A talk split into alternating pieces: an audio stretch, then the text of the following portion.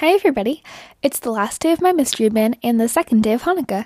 I'm feeling so stuffed. My mom always makes so much food for this week. We have apple fritters for dessert and breakfast, and brisket and latkes or fried potatoes for dinner. Yum!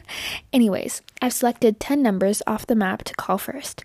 I can't say names without their permission, but I've selected the first two because they live near me, aka near the Aces. One lives in the next county over, and one is up in Maine. The second two I selected, ooh, saying selected in that context, it sounds like I'm hosting a game show and introducing the competitors or something. But anyway, I selected the second pair because they live really far away, in California and Georgia, respectively. I picked the third two because it seems like they are either married or siblings. They live in the same town and have the same last name.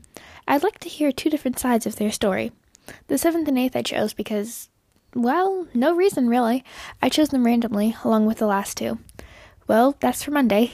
Happy Hanukkah to those of you who celebrate, and until next time, I'm Zoe, and this is my life on lockdown.